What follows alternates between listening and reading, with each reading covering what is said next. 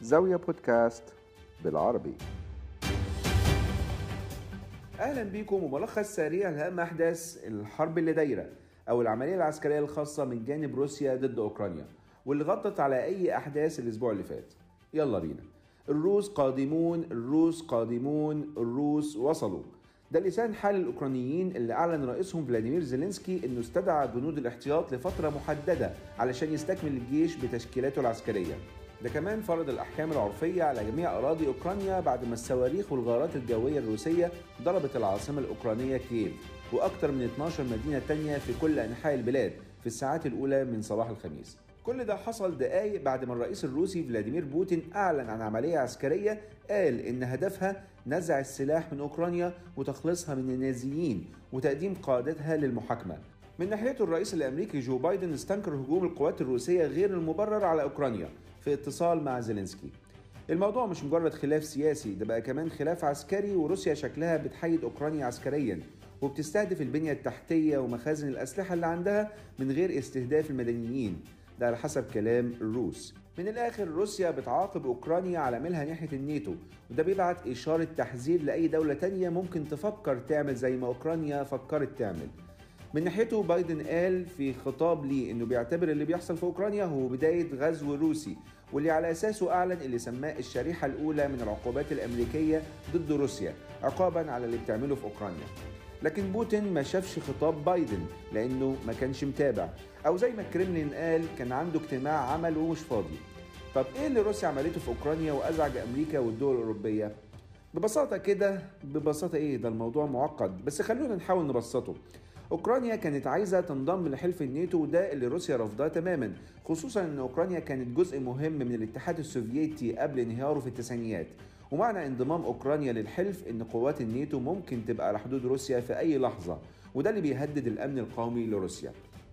بوتين اتكلم الأسبوع اللي فات في خطاب تلفزيوني مدته تقريبا ساعة. حاول يشرح فيه الروابط التاريخية بين روسيا وأوكرانيا وإزاي إن روسيا اتوعدت قبل كده وقت فك الاتحاد السوفيتي لدول مختلفة إن حلف الناتو مش هينتشر عمره شرقا ومش هيقرب من روسيا. لكن طبعا اللي حصل كان العكس. وتم ضم دول كتيرة منها دول كانت جزء من الاتحاد السوفيتي السابق زي ليتوانيا ولاتفيا. بوتين وقتها ما كانش في المشهد السياسي وكان بيشتغل في المخابرات الروسية. دلوقتي بوتين عايز يصلح الوضع شوية ويمنع أوكرانيا من الانضمام لحلف الناتو لكن الغرب طبعا مش مبسوطين. طب يعمل إيه؟ يعمل إيه؟ أم بوتين أعلن اعترافه بمنطقتين انفصاليتين في شرق أوكرانيا اللي هم دونيتسك ولوجانسك وجاب قيادتهم ومضى معاهم اتفاقيات تعاون مشترك. وبعدها خد موافقة البرلمان الروسي على طلبه أن يستخدم القوات المسلحة الروسية خارج أراضي الاتحاد الروسي. وابتدى بالفعل يبعث القوات الروسية للمنطقتين دول اللي دلوقتي بالنسبة لروسيا مستقلتين. يعني بالنسبة لروسيا ده مش غزو خالص.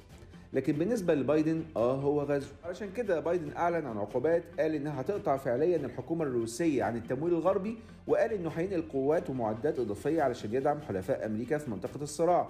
لكنه وضح إنهم مش رايحين هناك علشان محاربة روسيا ولو إن الدبلوماسية لا تزال خيار متاح. بالفعل يوم الثلاث فرضت الدول الغربية عقوبات على الديون السيادية الروسية وست بنوك روسية والعديد من الأثرياء الروس المرتبطين بالدائرة المقربة من بوتين ووزير الدفاع سيرجي شويجو ومسؤولين كبار تانيين. ووقفوا خط أنابيب الغاز الطبيعي نورد ستريم 2 نورد ستريم 2 ده مشروع روسي لمد خطين أنابيب غاز طبيعي طول كل خط منهم 1200 كيلومتر. وبطاقة إجمالية حوالي 55 مليار متر مكعب سنويا من ساحل روسيا من خلال قاع بحر البلطيق لحد ألمانيا. الشريحة الأولى بقى من العقوبات ما كانتش قوية زي ما الناس كانوا فاكرين لكن الغرب وعدوا بعقوبات مالية ويمكن عقوبات تانية على روسيا نتيجة اجتياحها لأوكرانيا صباح الخميس. وطبعا الاجتماع بين وزير الخارجية الأمريكي أنتوني بلينكن ووزير الخارجية الروسي سيرجي لافاروف اللي كان مقرر يتم في جنيف النهارده اتلغى بعد ما بوتين طبعا اعترف بالمنطقتين الانفصاليتين. وطبعا الأجواء المشحونة دي رفعت أسعار الطاقة عالميا والبترول لأكثر من 100 دولار للبرميل الواحد. سعر مرتفع هيفيد الدول المصدرة للنفط منهم روسيا ودول الخليج من ناحيته وزير الطاقة القطري كان قال في منتدى الدول المصدرة للغاز في الدوحة الثلاثة اللي فات إن لا قطر ولا أي دولة تانية ممكن تقدر تستبدل الغاز الروسي في أوروبا على المدى القصير.